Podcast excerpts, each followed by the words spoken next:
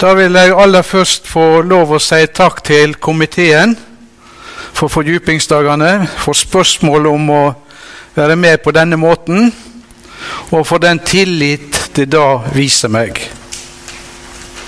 Men eh, la oss nå først be sammen.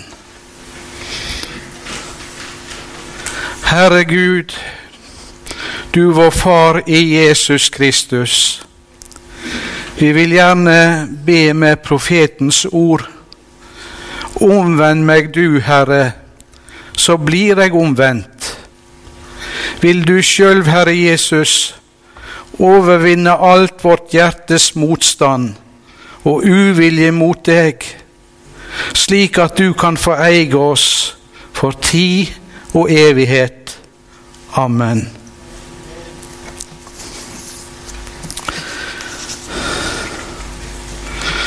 Omvendinga, trua og vår vilje, forkynning vurdert i lys av Skrift og vedkjenning. Og det er et svært emne vi skal for oss, og ikke minst et vanskelig emne som det har stått mange en diskusjon om, mange en strid om gjennom kirkas historie. Har vi en fri vilje, eller har vi det ikke? Når det er tale om å bli omvendt til Gud. Og hvordan vurdere forkynning da, i lys av hva Bibel og bekjennelse sier om dette?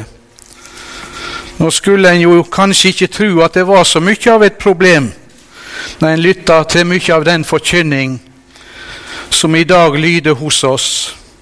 Det synes ofte å være så enkelt som bare vel mulig du har din frie vilje, lyder det gjerne.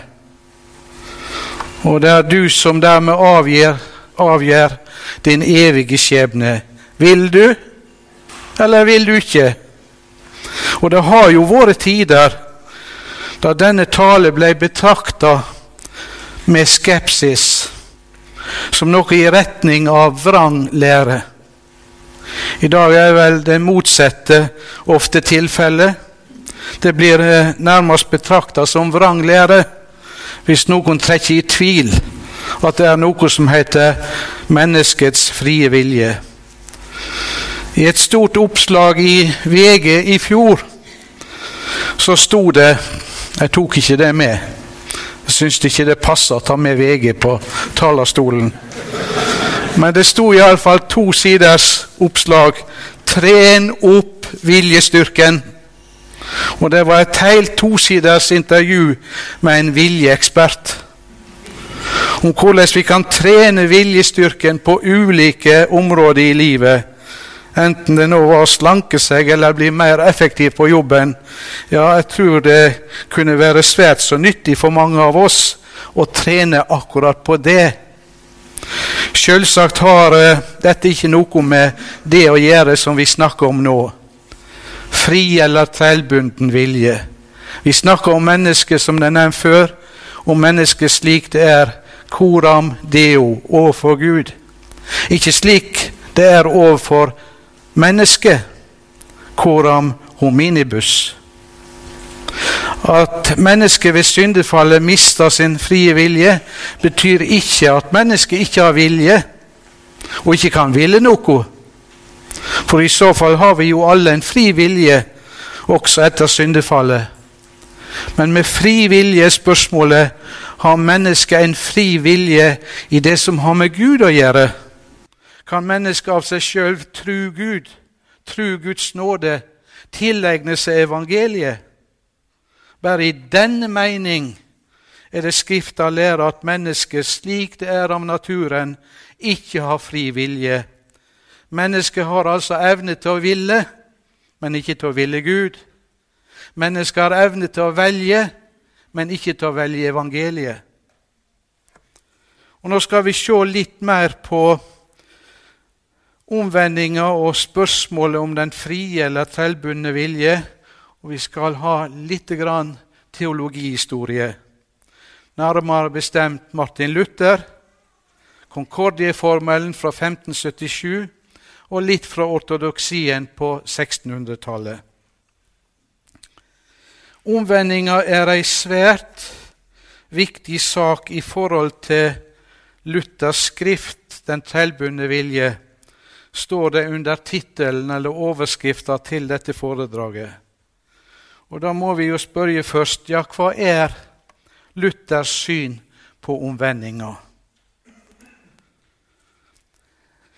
Ved mange av måltida i heimen til Martin Luther så førte en teologiske samtaler. Og ved en av disse bordsamtalene så kom en inn på spørsmålet om Pauli om vending. Og Da var det en av de som satt der ved bordet, som sa Pauli omvending var av et ekstraordinært slag. Slik som det gikk til da Paulus ble omvendt, slik går det ikke til i sin alminnelighet når et menneske blir omvendt. Da svarte imidlertid Luther med en gang det er feil. For slik som Paulus ble omvendt, slik blir alle omvendt. Det vil si, slik som det gikk til da Paulus ble omvendt, slik går det alltid til når et menneske blir omvendt til Gud. Luther mente naturligvis ikke at det inn i minste detalj går slik til ved hver omvending som det gikk til ved Pauli omvending. Men i sine grunndrag så går Pauli omvending igjen i hver eneste sann omvending. Og det er fire slike grunndrag. Det er ett av dem vi skal stanse særlig for, men jeg skal nevne alle fire. Det første er dette Pauli omvending innebærer at han fikk innsikt om sin synd. Og slik innebærer hver sann omvending at et menneske får innsikt om synd og skyld. Men Pauli omvending førte også til at han kom til å betrakte seg som den største av alle syndere. Og til ei rett synserkjenning hører egentlig alltid dette å betrakte seg som den største blant syndere. Det betyr en begynner å forstå at det fins ikke et eneste menneske i hele verden som er i større behov av Guds nåde enn hva en sjøl er det. Det andre Pauli omvending innebar at han kom til tru på Jesus Kristus. Og slik er det alltid den viktigste delen av ei sann omvending at et menneske kommer til tru på Jesus.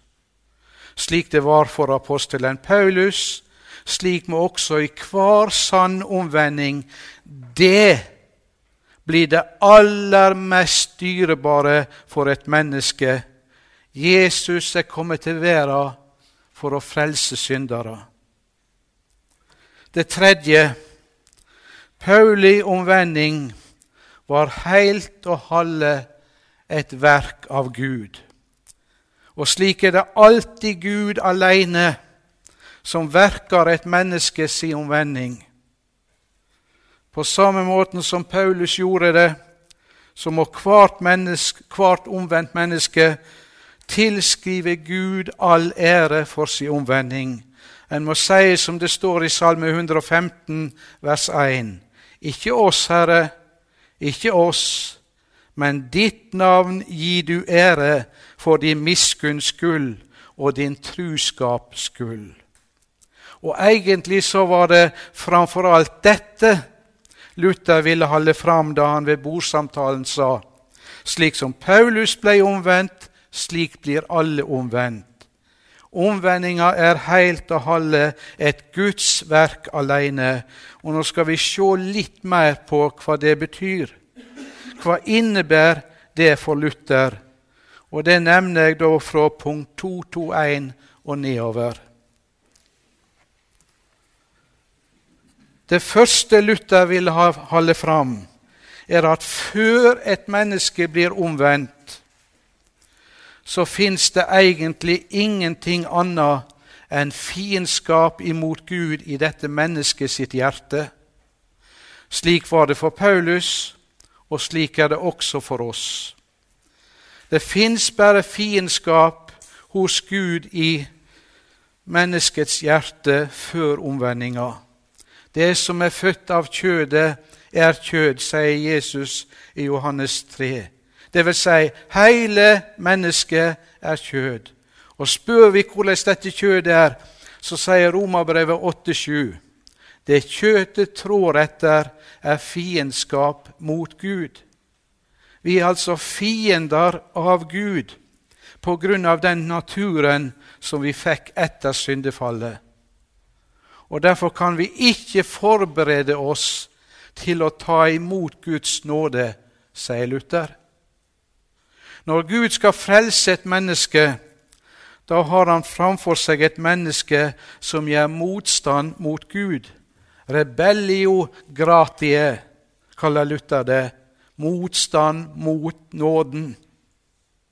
Og dette er vår eneste forberedelse til nåden som vi er i stand til. Ja, Luther går lenger og kaller det for en negativ forberedelse. Og når han skal understreke dette, så viser han bl.a. til Jesu ord til disiplene i Johannes 15. Uten meg kan det ingenting gjøre. Uten at et menneske er forena med Jesus som ei grein på vintreet, så kan et menneske ikke bære noe god frukt. Uten meg kan det ingenting gjøre. Og I tilknytning til dette ordet så bryter Luther ut arme, stakkars forberedelse, som består i ingenting annet enn ingenting. Har en forstått dette, da forstår en også, og det er det andre, at omvendinga ikke kan komme i stand gjennom noe samvirke eller samarbeid mellom Gud og menneske. Om en da lærer at mennesket har fri vilje i forhold til Gud, så er det for Luther ei svært farlig villfaring. Det er nemlig ei villfaring som fører til sjølbedrag og egenrettferdighet. Og denne egenrettferdighet har som sin ytterste konsekvens at mennesket forkaster frelsa i Jesus Kristus. Når det gjelder viljefriheten, sier Luther presis som Augustana artikkel 18, at mennesket har en ytre frihet når jeg står her framme, så kan jeg f.eks. velge mellom å ta noen steg til høyre eller å ta noen steg til venstre. Men samme hva jeg enn gjør, så kommer jeg ikke bort fra det at i mitt hjerte så er jeg trellbundet i synda. Selv om mennesket har en ytre frihet, så er det derimot trellbundet i alt som har med frelsa å gjøre. I omvendinga forholder mennesket seg pure passive, blått og bart passivt. Frelsa er fra begynnelse til slutt et Guds eget Det har Luther klart fram i sin forklaring til tredje trosartikkel. Jeg tror at jeg ikke av egen fornuft eller kraft kan tro på Jesus Kristus, min Herre, eller komme til Han. Men det er Den hellige ande si gjerning. Nå sa jeg det litt forkorta. Det er jo en ganske merkverdig bekjennelse, det der. Jeg tror at jeg ikke kan tro. Kjem litt tilbake til det seinere.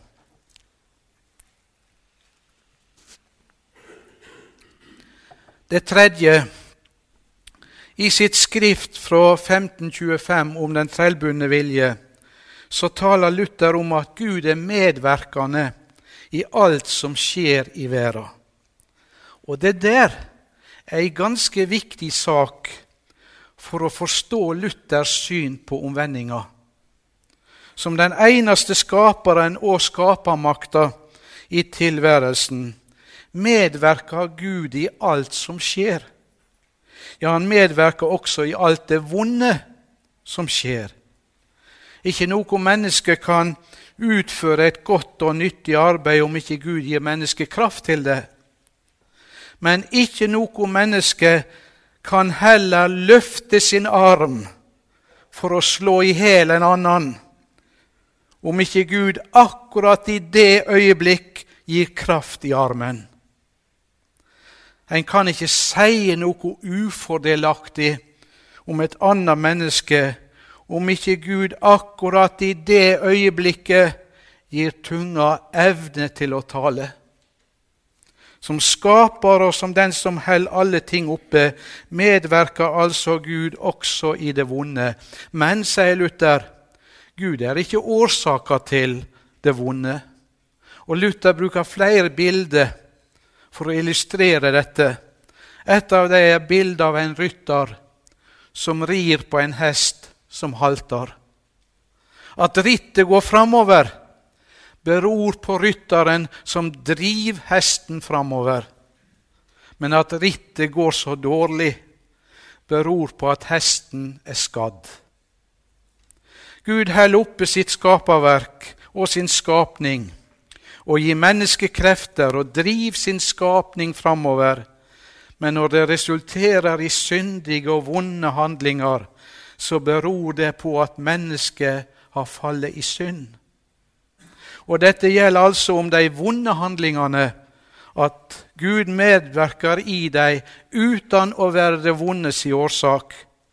Derimot, sier han i sin bok, alt det gode som skjer, om det sier Luther at det medvirker Gud ikke bare i, men er også det gode sin årsak.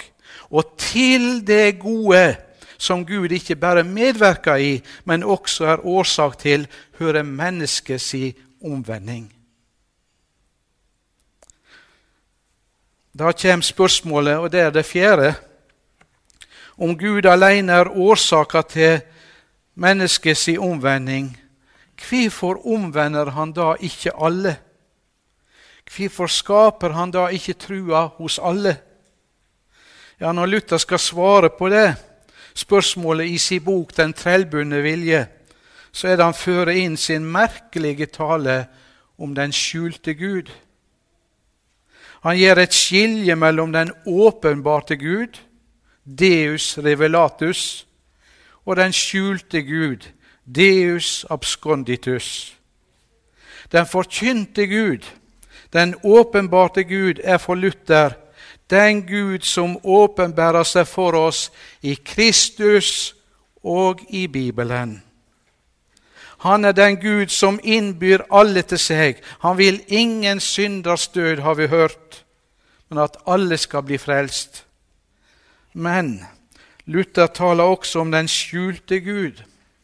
Og mens den åpenbarte Gud vil at alle skal bli frelst, så vil den skjulte Gud at bare noen få skal bli det, og at flertallet skal gå fortapt. Men, skulle Luther å legge til, i den grad som Gud er skjult, så angår han oss ikke i det hele tatt. For den Gud som du og jeg skal holde oss til, det er den i Kristus åpenbarte Gud som vil vår frelse. Jeg må jo nesten si det her, det er jo en nokså uvanlig tale, dette her. Og om en skal ta Luther strengt etter orda, så lærer han jo faktisk, kan en si, to motsatte viljer hos Gud. En vilje at mennesket skal bli frelst, og en annen vilje at flertallet skal gå fortapt. Og En del Luther-forskere har jo stilt seg svært kritisk til det Luther sier her. Men det mest vanlige er nok i dag at en ser mer på Luthers intensjon, Luthers hensikt, at det helt enkelt for Luther har vært å holde fram at her er det noe skjult.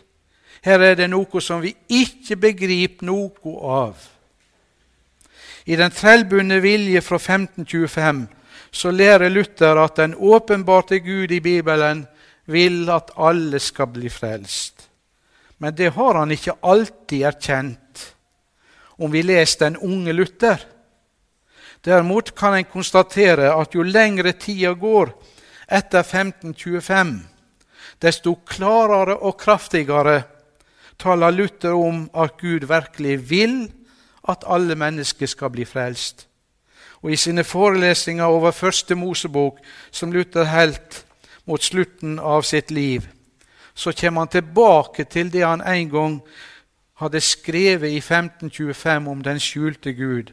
Og det er nesten som han angrer seg litt når han skriver.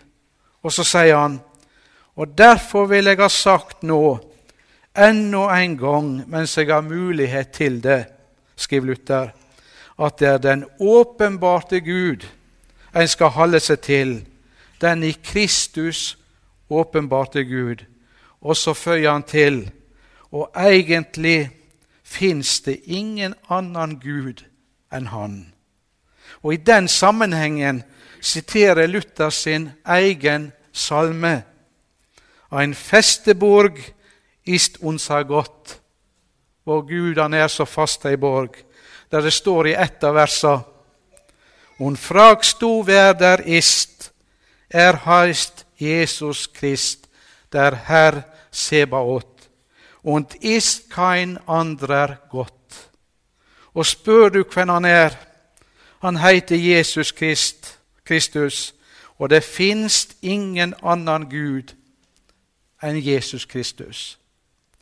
Og Når Luther på denne kraftige måten har understreka at det er til den åpenbarte Gud i Skrifta vi skal holde oss, og at det ikke fins noen annen Gud enn Han, så legger han til på latin ergo excusatus sum, altså er jeg unnskyldt.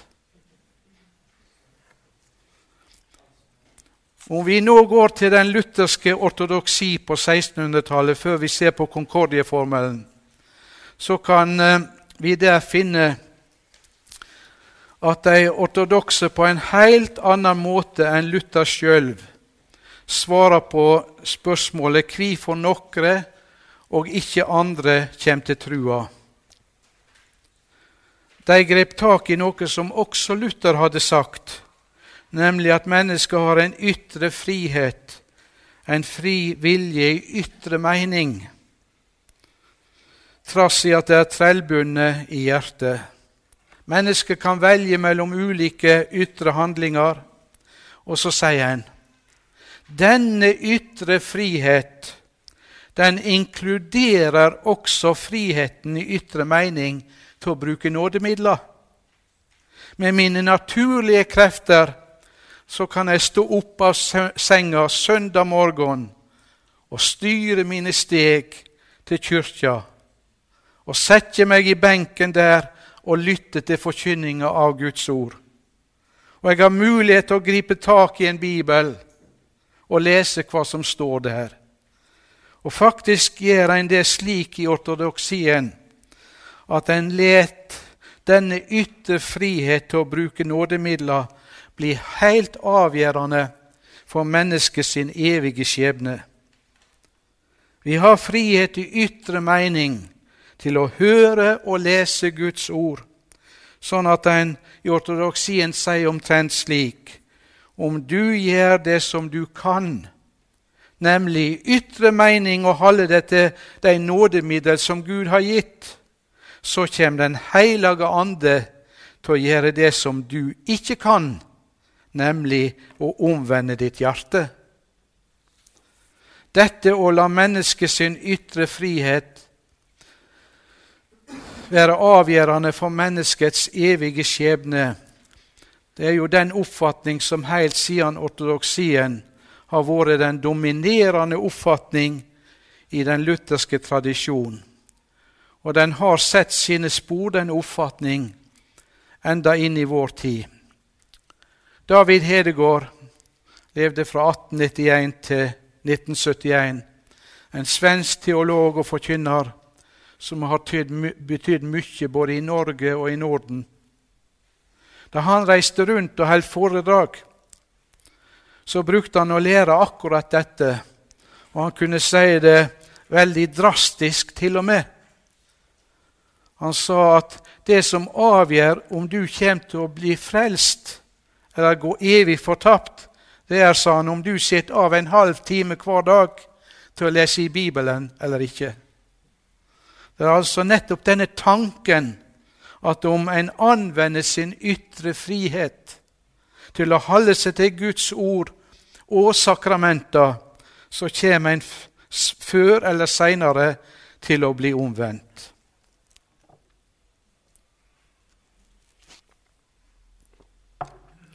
Vi går så til Konkordieformelen, den siste lutherske vedkjenning fra 1577.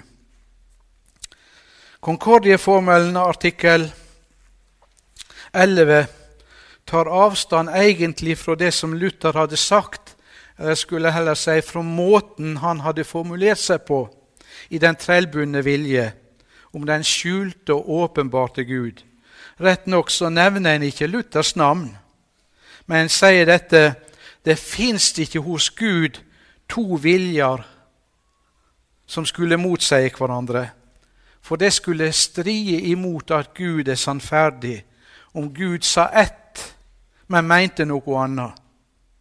Men når Gud sier at han vil at alle skal bli frelst, så er det også hans innerste vilje. Hvordan svarer så Konkordieformelen på spørsmålet hvorfor noen og ikke andre blir frelst? Ja, Den dominerende oppfatninga i Konkordieformelen den er at en lar det spørsmålet stå helt åpent. Jeg mener at det spørsmålet kan vi ikke her i tida svare på. En sier at når mennesket blir frelst, så beror det helt og halve på Gud. Da har Gud hele æra for det. Men når et menneske går fortapt, så har mennesket sjøl hele ansvaret for det. Og lenger kom vi ikke der. I Konkordieformelen eh, sin artikkel 2 så betoner en kraftig at det fins bare to årsaker til omvendinga nemlig Gud og Hans ord. Og Grunnen til det var jo at i filippistiske kretser så hadde en begynt å snakke om tre årsaker til omvendinga. Det var Philip Melanchthon, Luthers nære medarbeider, som i 1548 i det andre opplaget av sin Loki, altså sin lærebok i dogmatikk, som kom med sin lære om de tre som medverker til omvendinga Guds ord og Guds ånd og menneskeviljen, som ikke står Gud imot, men samtykker, sier sitt ja takk til nåden, om enn svakt og skjelvende. Hans elever og etterfølgere, filippistene, de hevda da dette, og det ble for dem et skibolett, et kjennetegn. De talte om tre årsaker til omvendinga. Konkordieformelen slår fast at det fins bare to årsaker som medvirker til omvendinga, nemlig Gud og Hans ord. Og Helt i avslutninga skal jeg si litt om hva det betyr for oss. Punkt tre. Hva gjennomslag Luthers syn på omvendinga har hatt i Norge og Norden, må jeg dessverre ta veldig, veldig kort. Opprinnelig skulle vel det være et skikkelig hovedpunkt, men uh, sånn er det blitt. Men jeg skal nevne og antyde hva du bør jobbe videre med.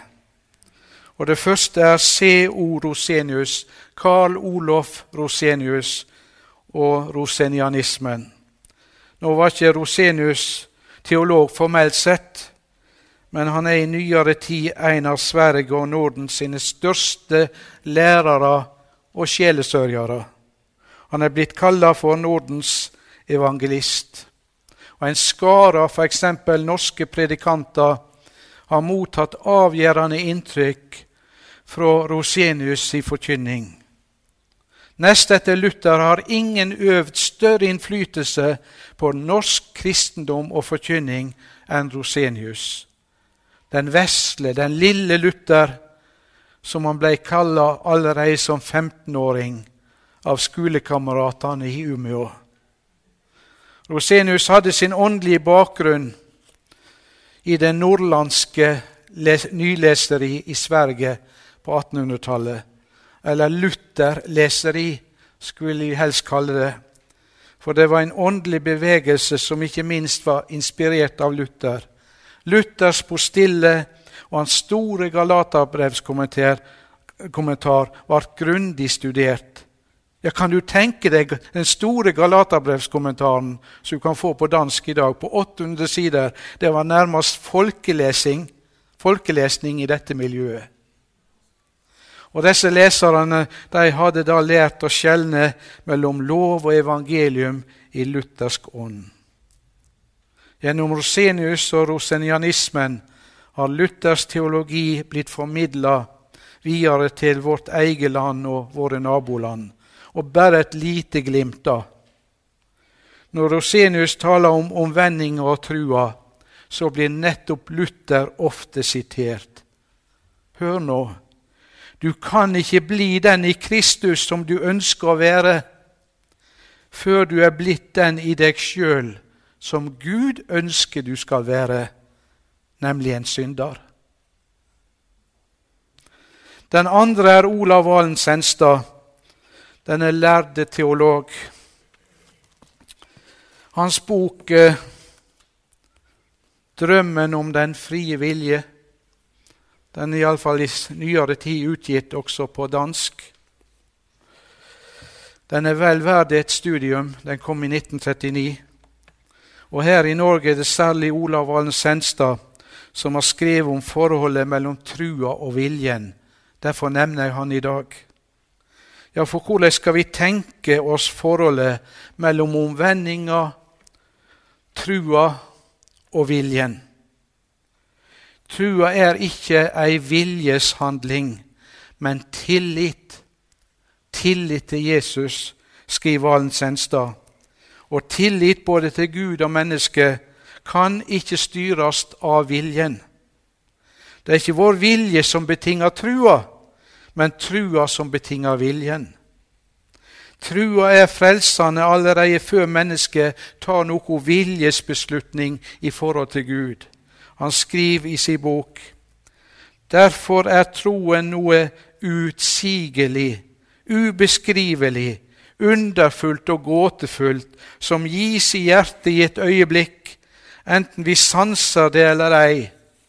Og når den, altså trua, når den er gitt, så roper vi, så kommer vi, så velger vi, og så ber vi, og er allerede frelst før vi roper.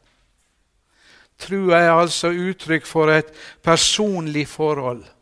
Ikke et intellektuelt forhold, ikke et følelsesmessig forhold, ikke et viljemessig forhold, men et helt personlig forhold til Jesus, som går bakom både vilje og følelse og hva du enn kan nevne. Tro er ikke ei forstandssak eller ei viljesak, men først og fremst ei hjertesak. Her er det trua sitt sete er. I menneskets innerste vesen, med hjertet trur ein til rettferd, står det i Romabrevet 10. Og så den tredje jeg vil trekke fram, er tidligere professor Carl Fredrik Wisløff. Og det ligger jo nå en ny, stor, flott biografi om han på bokbordet, bokbordet. Så dermed er det sagt. Han er godt kjent i hele Skandinavia og ellers videre utover. Han var en iherdig formidler av den reformatoriske arven fra Luther. Med bøkene 'Ordet fra Guds munn' og Martin Luthers teologi i 1993 så har Wisløff etterlatt seg et stort forråd av teologi, luthersk teologi. Og Wisløff skal vi om noen få straks komme tilbake til med tanke på hva han sier om den trellbundne vilje i forkynninga. Men først må jeg innom moderne vekkingsforkynning og appellforkynning, punkt fire.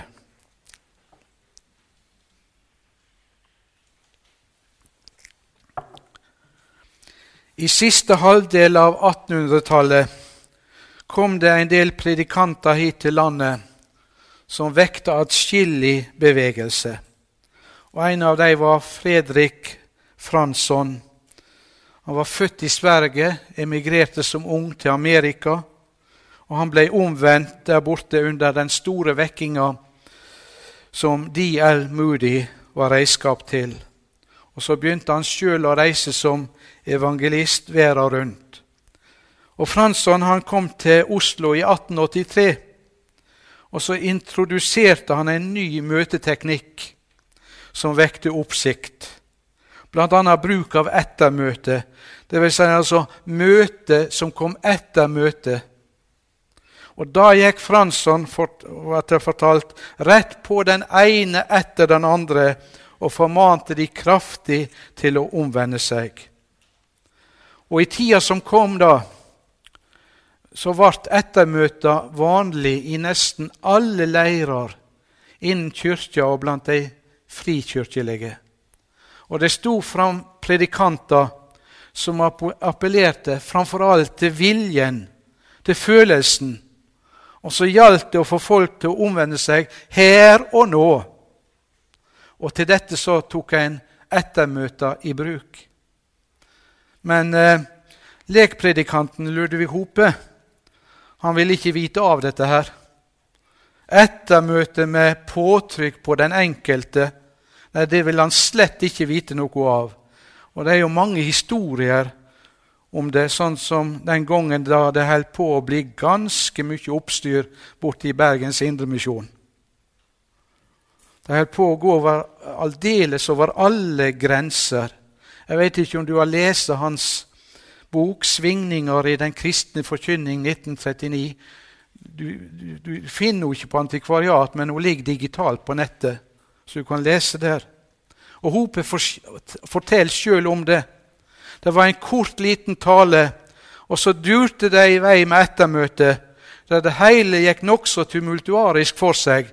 Og det var en god del som ikke møtte opp på møtet, men de venta til dess ettermøtet begynte, for det var det som var liksom poenget å få med seg. Så sendte de bud på Hope. Og da båten svinga inn på Vågen her i Bergen, så står hele styret for Bergens Indremisjon og venter på han. Og ennå før båten har fått klappa til kaien, så roper en Held du etter møtehopet? Nei, svarte hopet. Da kan du reise dit du kom fra, svarte en av dem. Nei, da er det på tide jeg kjem, sa Hope. For hans syn var jo det en skal forkynne Guds ord, lov og evangelium, forkynne Kristus og frelsa i Han. Og alle disse praktiske tiltakene det er for de steller med som har tro for det. Han hadde ikke. I moderne vekkingsforkynning har det ganske lenge vært en viss konsentrering om menneskets vilje. Og på den måten at en sier du må omvende deg. Du må gjøre det nå. Du må ta beslutninger. Og det er jo påtakelig at jo mer en har understreka og framheva dette, dess mer har en kommet til å anvende forskjellige slags metoder i det kristne arbeidet. Det er et faktum. Er nå det gale, da, f.eks. å oppmå folk til å komme fram, og så blir det gjort på en bestemt måte? Nei, det vil jeg slett ikke si. Det har jeg ikke frimodighet til.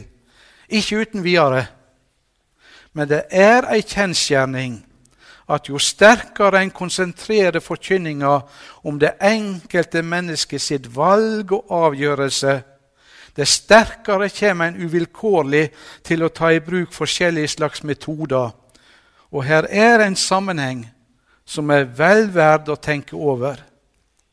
Dessuten, når det gjelder denne appellforkynninga som en har på sine hold, så kommer her en tankegang som er fremmed for den lutherske læretradisjon og de lutherske bekjennelsesskrifter, ei forkynning som ensidig går ut på bestem deg, overgi deg, Kom nå, overgi det nå, i dag, i kveld. Og den kommer da gjerne sammen med et temmelig følelsesbetont opplegg. Møtet blir ofte varma opp med lovsang og musikk, og det kan ta sin tid. Og uhyre følelse, følelsesbetont appell til ei viljesbeslutning i retning av omvending. Her står vi som lutherske kristne, etter mitt syn, overfor noe som vi må se på med atskillig skepsis. Og det alvorlige ved det er to ting. Det ene er altså at en glemmer det med det naturlige mennesket sin vilje, som ikke kan tru. Jeg tror at jeg ikke av egen fornuft eller kraft kan tru på Jesus Kristus, min Herre, eller komme til Han. Men det er Den hellige Andes gjerning. Det er slik. Jeg tror at jeg ikke kan tru. Det forestiller en seg jo ikke. Er ikke trua bare ei beslutning, da, som jeg tar? Det er vel bare et spørsmål om jeg vil det. Sånn tenker mange. Hvis jeg da vil være en kristen, vil tro på Gud, ja, så er det jo ikke noe problem lenger. Og slik forestiller mange seg den saka.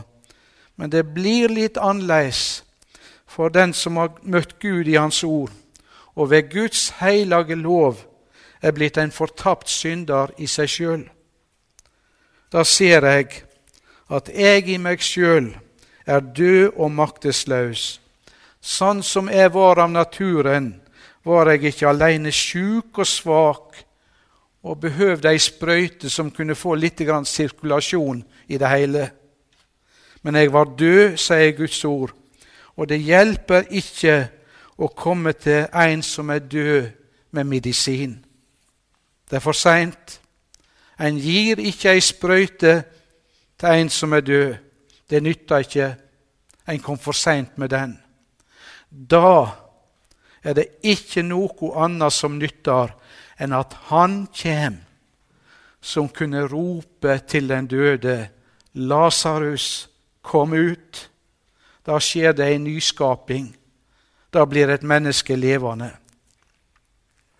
Og det andre som er alvorlig ved denne type forkynning, og det henger nøye sammen med det første jeg nevnte, det er at en på denne måten gjør i grunnen evangeliet om til ei lov.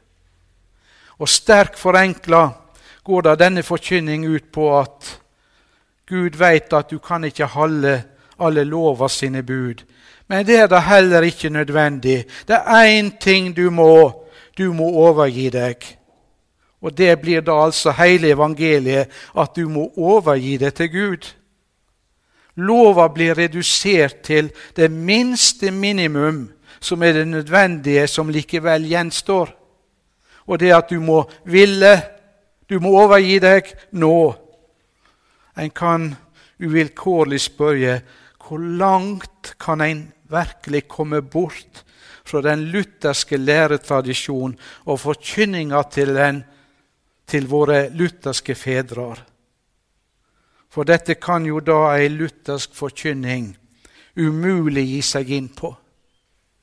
Guds hellige lov kan ikke reduseres, men den står der.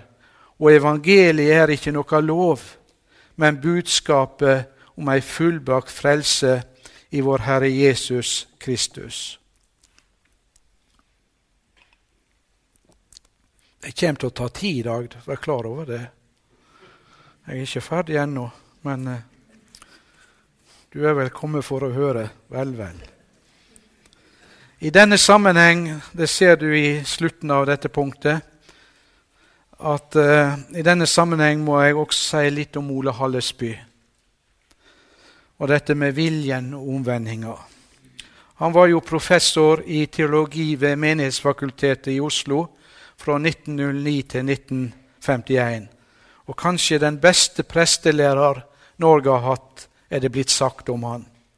For det var Guds ords forkynnere han ville utdanne.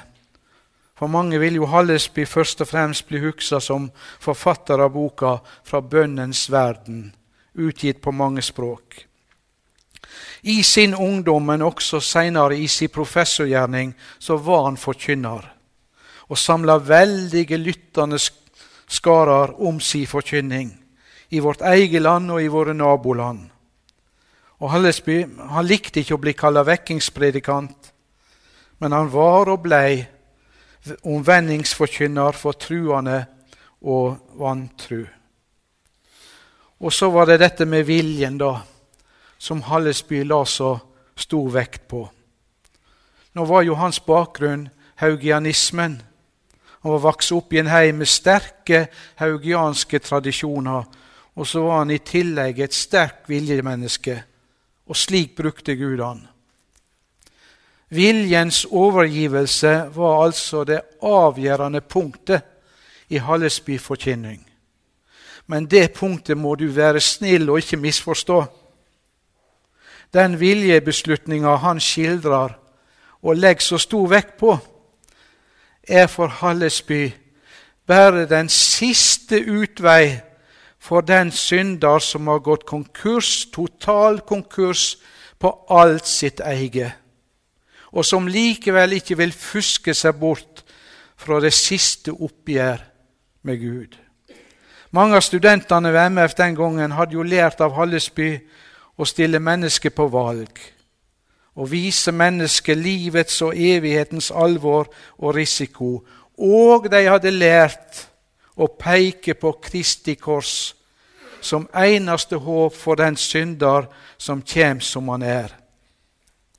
Hvordan Hallesby oppfatter omvendinga i djupeste forstand, lærer vi best å kjenne gjennom hans utlegging av eh, Filippabrevet 1, 12-13. Jeg tar det litt forkorta, og jeg tar litt etter Bibelen 2011. Arbeid på dykkar frelse med respekt og ærefrykt for det er Gud som er verksam i dykk, så de både vil og gjør det som er etter Guds gode vilje. Hallesby skriver i tilknytning til dette at uh, omvendinga, når vi ser den i det fulle evangeliske lys, så er det først og fremst ei gave. Det er ei Guds gave. Og her står vi ved det avgjørende punkt når vi skal bedømme Hallesby som vekkings- og omvendingsforkynner. Når det gjelder vurdering av menneskets vilje, så er grunnlaget for Hallesby faktisk Luther. Omvendinga for Hallesby er ikke ei beslutning der du kan forandre din vilje, men ei beslutning der du erklærer deg enig med Gud om at din vilje er forderva av synda og ganske ubrukelig som vilje, og derfor også erklærer deg enig med Gud i at den eneste redning for deg er at Gud skaper en ny vilje, ja, et helt nytt menneske. Og det passer jo godt med profetens ord. Omvend meg du, Herre, så blir jeg omvendt. Og det preger også Hallesby sitt syn på ettermøter i sin bok fra, sin bok fra arbeidsmarken så skiller han sterkt mellom den amerikanske form for ettermøte som begynte hos oss i 1880-åra, og som jeg nettopp har nevnt, og den gamle haugianske. For Hans Nilsen Hauge holdt jo også ettermøte. Både før og etter møtet, holdt jeg på å si. Det vil si, han talte med folk når de kom og fikk derved anledning til å samtale med søkende mennesker og rettleie dem. Det var for Hallesby det mest verdifulle ved et ettermøte. Men dette veldige påtrykk på viljen, og du må bestemme deg her og nå, som vi møter i denne appellforkynninga, det var Hallesby redd for. Han ville nemlig ikke forsere noe. Hans oppgave ble mer lik den Rosenius i sin tid hadde, å føre søkende mennesker til Kristus. Jeg ville gjerne ha nevnt dette så kort jeg kunne, for ved første øyekast så er Hallesby sin måte å uttrykke seg på kanskje ikke alltid så veldig luthersk. Punkt fem.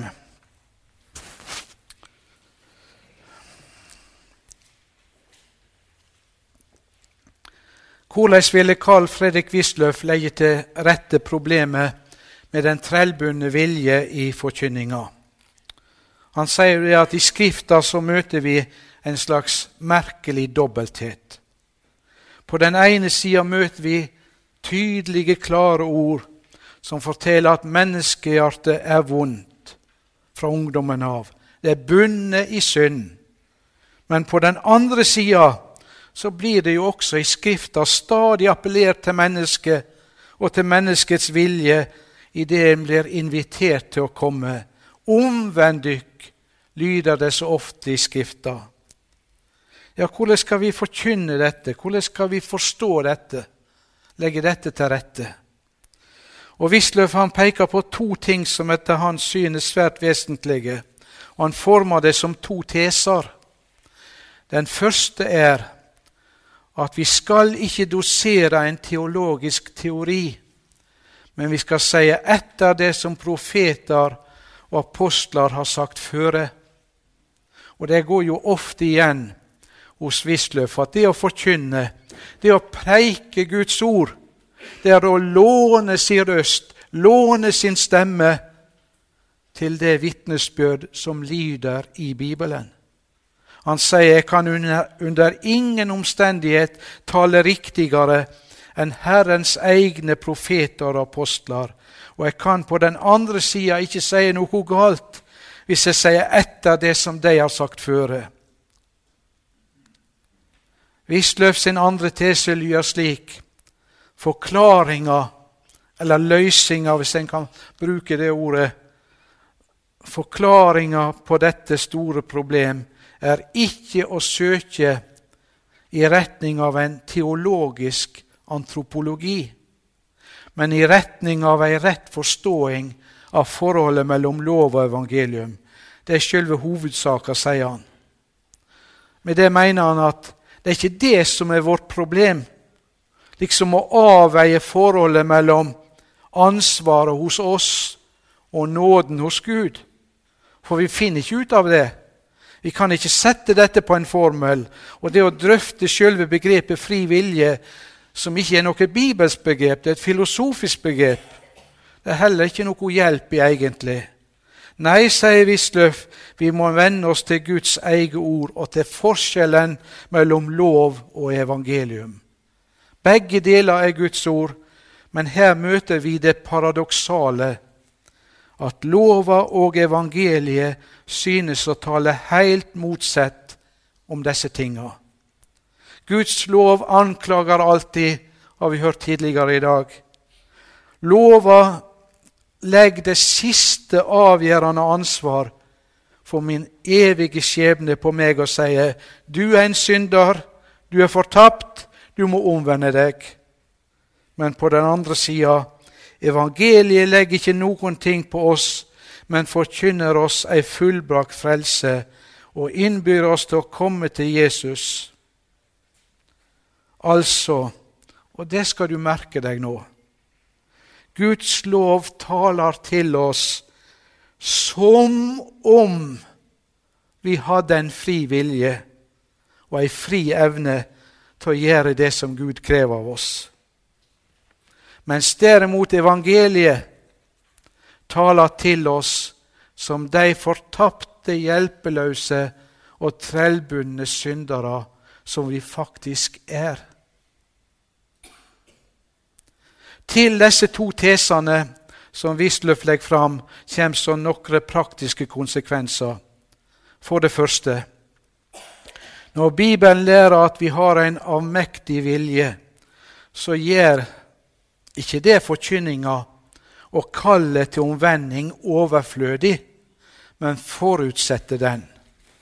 Og det er interessant, sier han, at Herrens egne apostler ikke trekker noen sånn konsekvens. Konsekvens. For eksempel Paulus.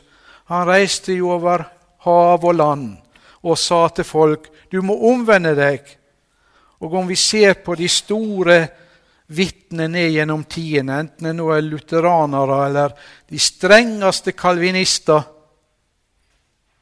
Det at en ikke skulle be folk om å omvende seg, den tankegang er de totalt fremmed.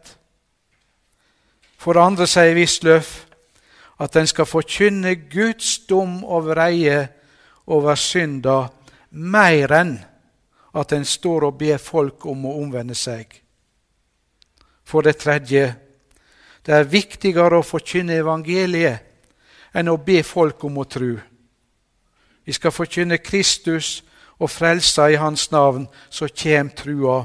Det var jo den kjente predikanten Spurgeon som sa Jeg så på Kristus, og trua sprang fram i mitt hjerte. Jeg så på trua i mitt hjerte, og den blei borte for meg. Og jeg så atter på Kristus, som døde for meg og oppsto for meg, og trua sprang fram i mitt hjerte igjen.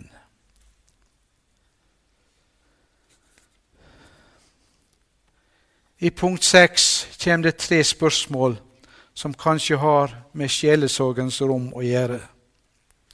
Og jeg tar meg tid til det. Det første er kan en bestemme seg for å bli en kristen? Ja, Det har jeg jo svart på allerede. Men likevel, om noen kommer til deg og sier jeg har bestemt meg for å bli en kristen, og dermed er jeg også en kristen. Hva vil du si? Hva vil du svare? Vi skal ikke ha en negativ innstilling til at folk bestemmer seg for å bli kristne. Vi skal si at det er en god bestemmelse, ja, den beste bestemmelsen et menneske kan ta, og som det aldri kommer til å angre på. Det kan vi trygt si. Men det er ikke nødvendigvis slik at en virkelig er blitt en kristen i og med en slik bestemmelse. Det kan jo hende disse tinga faller sammen, da. Men om vi sier at dette er en god bestemmelse, så er det nødvendig samtidig å gjøre klart. Hvis et menneske tror at han er en kristen fordi han har bestemt seg for å være det, da beviser vel det at han ennå ikke er en kristen.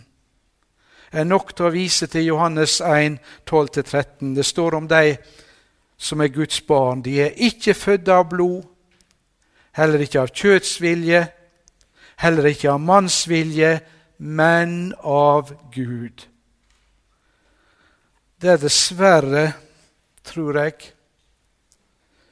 ikke tvil om at mange i dag, særlig blant mange unge, de har ikke noe annet grunnlag for å bekjenne seg som kristne enn det at de har bestemt seg for at det vil de være.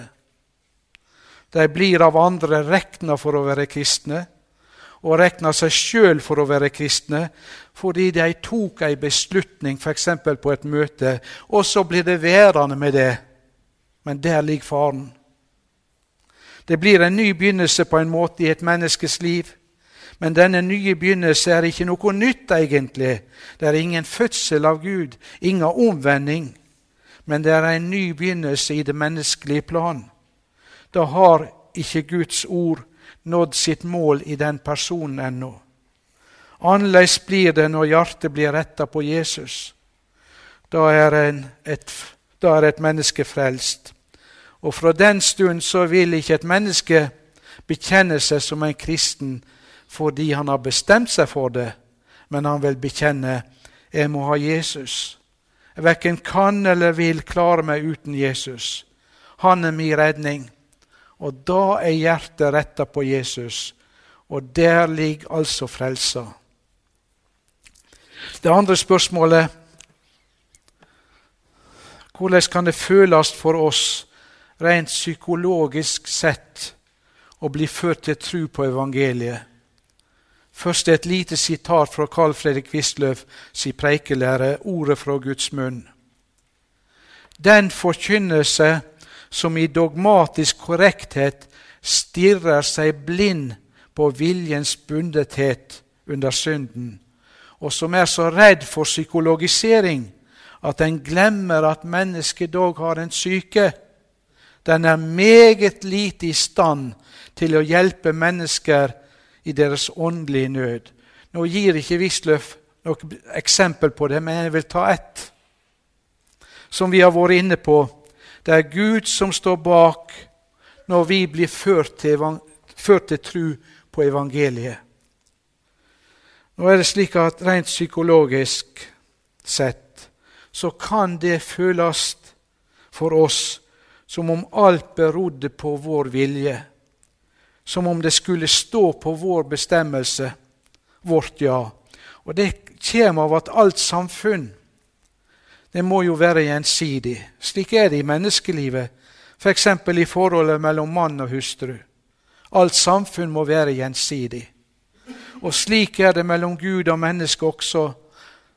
Derfor taler Guds ord til vår overbevisning. Og Da får vi en bestemt følelse av det at nå står det på om jeg vil svare ja. Vel, nå kan det arte seg litt forskjellig for oss. Det kommer an på bakgrunn og tidligere utvikling i barndom og mye sånn også. Men det er ikke så helt ualminnelig at det kan oppleves som om det hele skulle stå på vårt valg. Og Da vil en lett bedømme det ut ifra det, og tenke og tro at det å bli en kristen, det står på et menneske sitt personlige valg. For sånn har det sett ut for en. Og så er en ikke klar over at det hele jo er ei Guds gjerning fra først til sist når et menneske virkelig svarer ja. For dette ja er virka av evangeliet.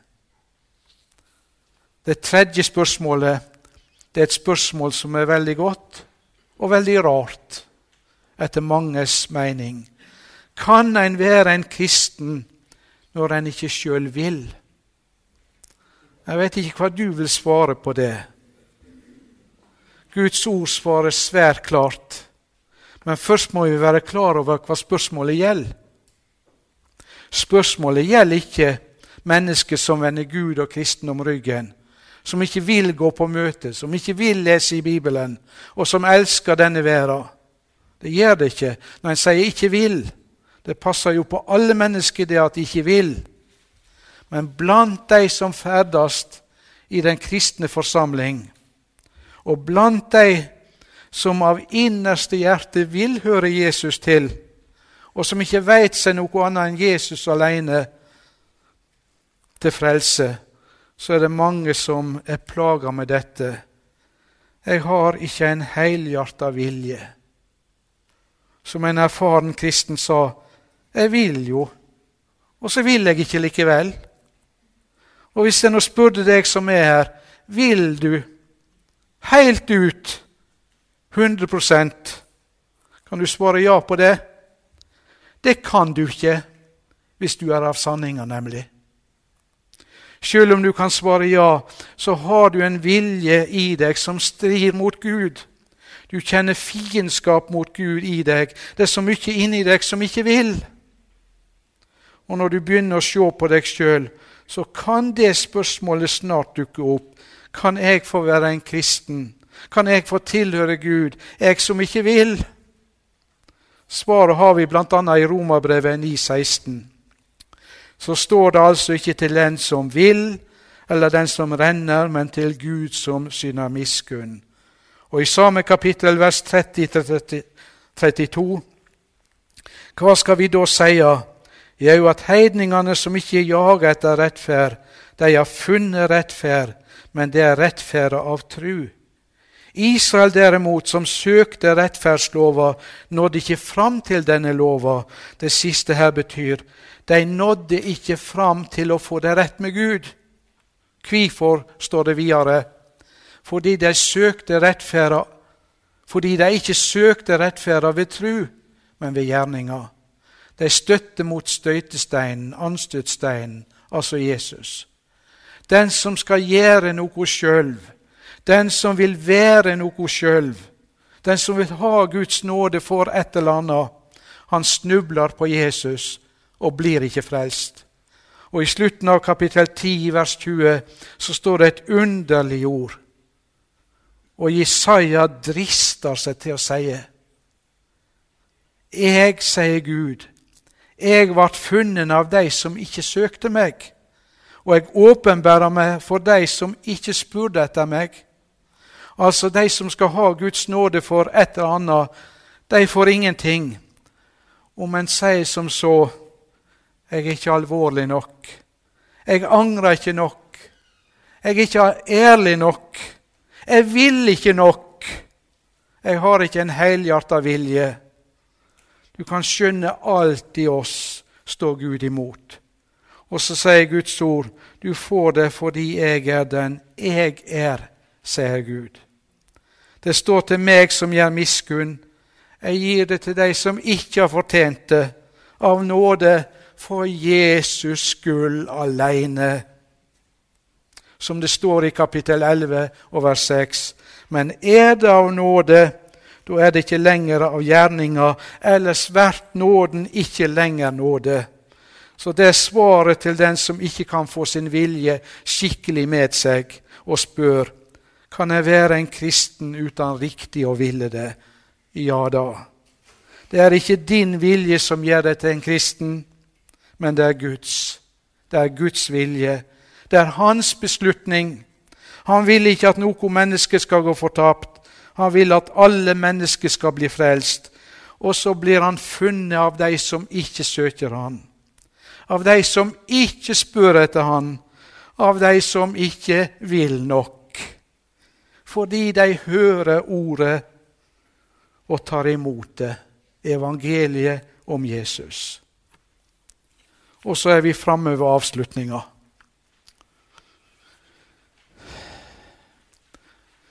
Hvordan komme til trua? To galne svar og det rette svaret.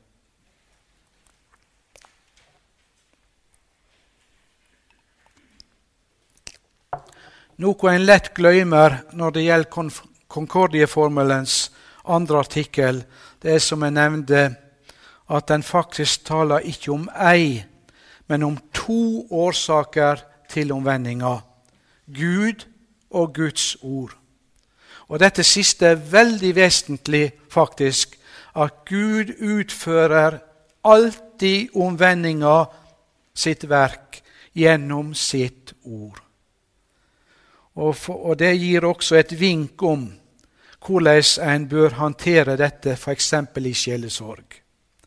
La oss si at det kommer et menneske til en prest eller en forkynner og sier jeg skulle så gjerne ville komme til trua. Ja, da fins det to feilaktige ytterligheter som presten eller forkynneren kan gjøre seg skyld i. På den ene sida kan presten si ja, du skal vite at det beror på deg sjøl. Det er du sjøl som må fatte ei beslutning, et forsett at du skal tru. Det er deg sjøl alt henger på. Trua er di sak. Det vil jo være et grusomt svar, for da blir mennesket overlatt til seg sjøl, helt uten hjelp og overgitt til sin egen kraft, som en allerede har erfart ikke kan prestere noe tru. Men det andre feilaktige svaret, det vil naturligvis være dette. Ja, du vil komme til trua, men eh, dessverre kan du ikke gjøre noe fra eller til. Men vi får vente og se om du kommer til trua eller ikke. Trua er jo helt og halve ei Guds gave. Det beror på Guds utvelging. Og så sender en mennesket av sted med den beskjeden. Jeg mener ut fra Guds ord og våre bekjennelsesskrifter at det rette svaret, den rette mellomtingen her, det er å si til dette mennesket ja, din oppleving er aldeles riktig, at du ikke kan tru hvor gjerne du enn vil det. For tru kan ikke noe menneske av egen kraft, men den kraft som vi ikke sjøl har, den finst i Guds ord. Og gjennom ordet verker Den hellige ande på våre hjerter. Så vil du komme til trua, så skal du stille deg under Den hellige andes påvirkning gjennom å bruke Guds ord. For der kan du vite at der fins den overnaturlige krafta, den guddommelige krafta som kan tenne trua i ditt hjerte. Og dermed er vi også kommet fram til det fjerde og siste punktet i det vi sa om Pauli omvending. At slik som det gikk til da Paulus ble omvendt, slik går det alltid til når et menneske blir omvendt. Det var gjennom Herrens ord at Paulus ble omvendt. Det var i og med at Jesus talte til Saulus på Damaskusveien, at han både fikk innsikt om sin synd og kom til tro på Jesus.